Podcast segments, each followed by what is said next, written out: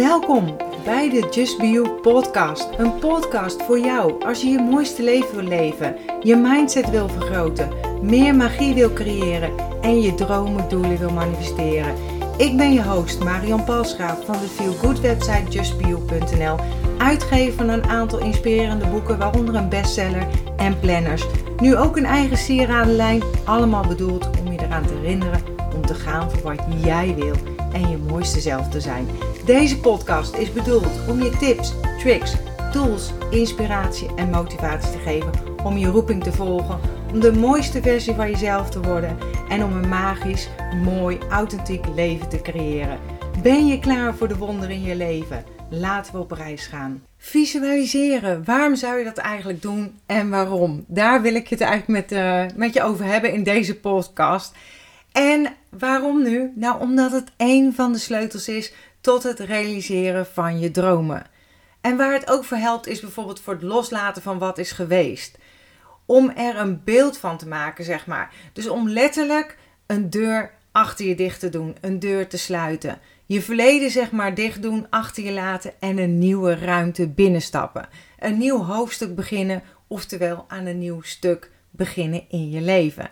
En vandaag vertel ik je graag meer over visualiseren. En het klinkt misschien zweverig of spiritueel, maar wat is visualiseren nu eigenlijk? Het is eigenlijk gewoon het vertalen van een gedachte naar een beeld. En dat doe je dus eigenlijk de hele dag door. Hè? Want van woorden en gedachten maak je een voorstelling in je hoofd. En bij visualisatie haal je de toekomst naar het heden, naar het nu. En dat doe je door er een beeld van te maken. Bijvoorbeeld als je bedenkt, ook als je, ja, wat gaan we vanavond eten? Wat je wil gaan koken vanavond. En door te visualiseren doe je een beroep op je voorstellingsvermogen en intuïtie. Je gevoelens en gedachten reageren namelijk sterk op beelden in je hoofd. En door de emoties te koppelen aan gedachten, worden deze beelden krachtiger. En je brein gelooft namelijk alles wat je tegen jezelf zegt, ongeacht of het nu positief of negatief is. En hoe vaker je het haalt, hoe meer erin gaat geloven. En nog zoiets, hè? Want voor je brein, die gelooft alles wat je vertelt, maar er is geen verschil tussen een denkbeeld en wat er werkelijk gebeurt. Want het zijn je gedachten die je emoties beïnvloeden.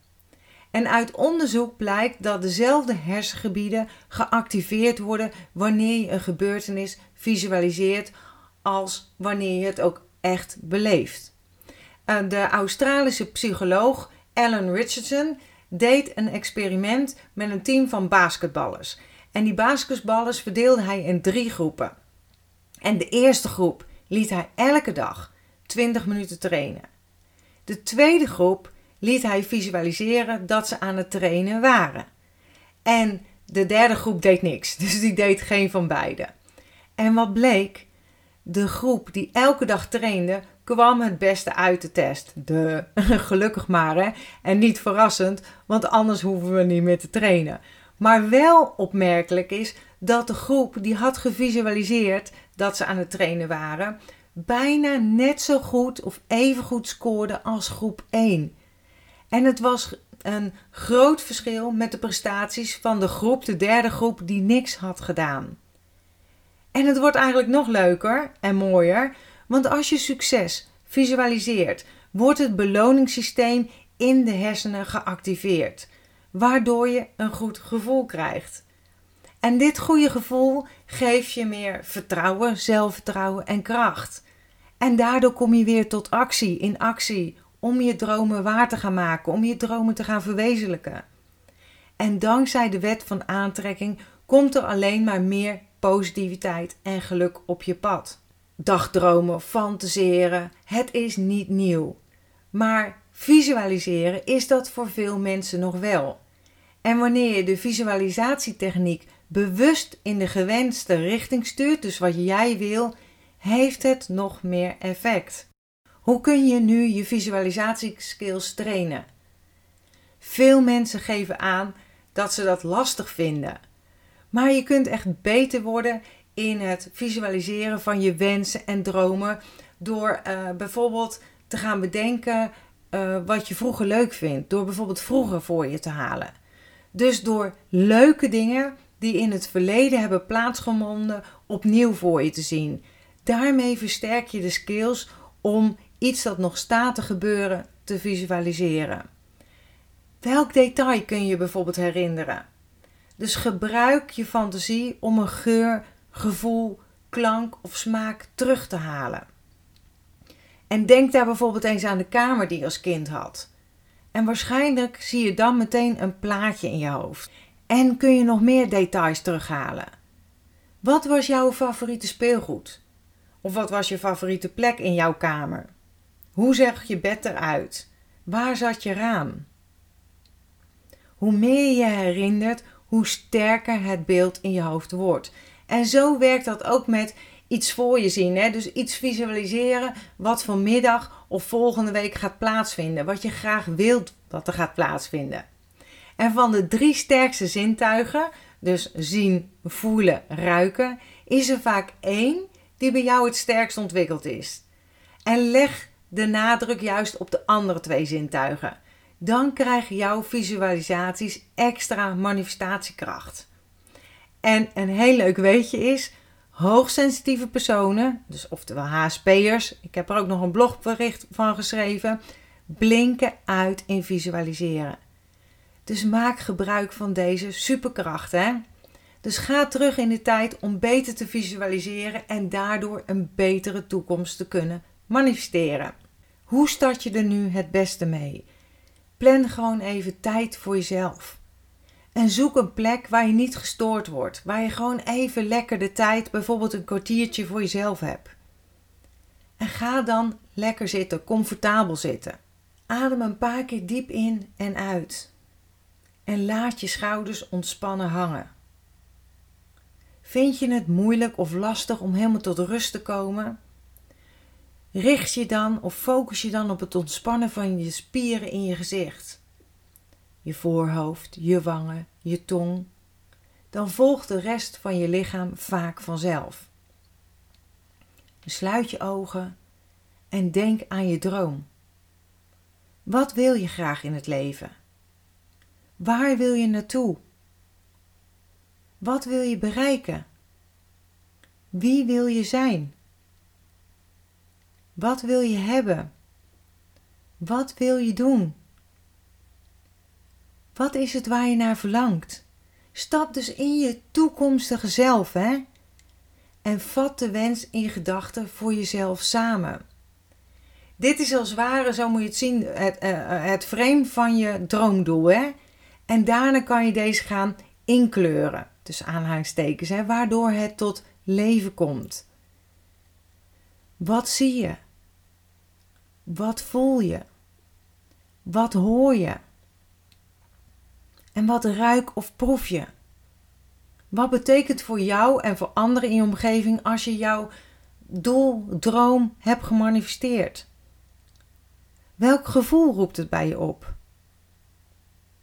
En niet vergeten, hè, want hoe meer details je voor je ziet, hoe meer je voelt, hoe krachtiger de visualisatie en dus ook de manifestatie. Maak er dus een soort kleurenfilm van in je hoofd en kijk ernaar.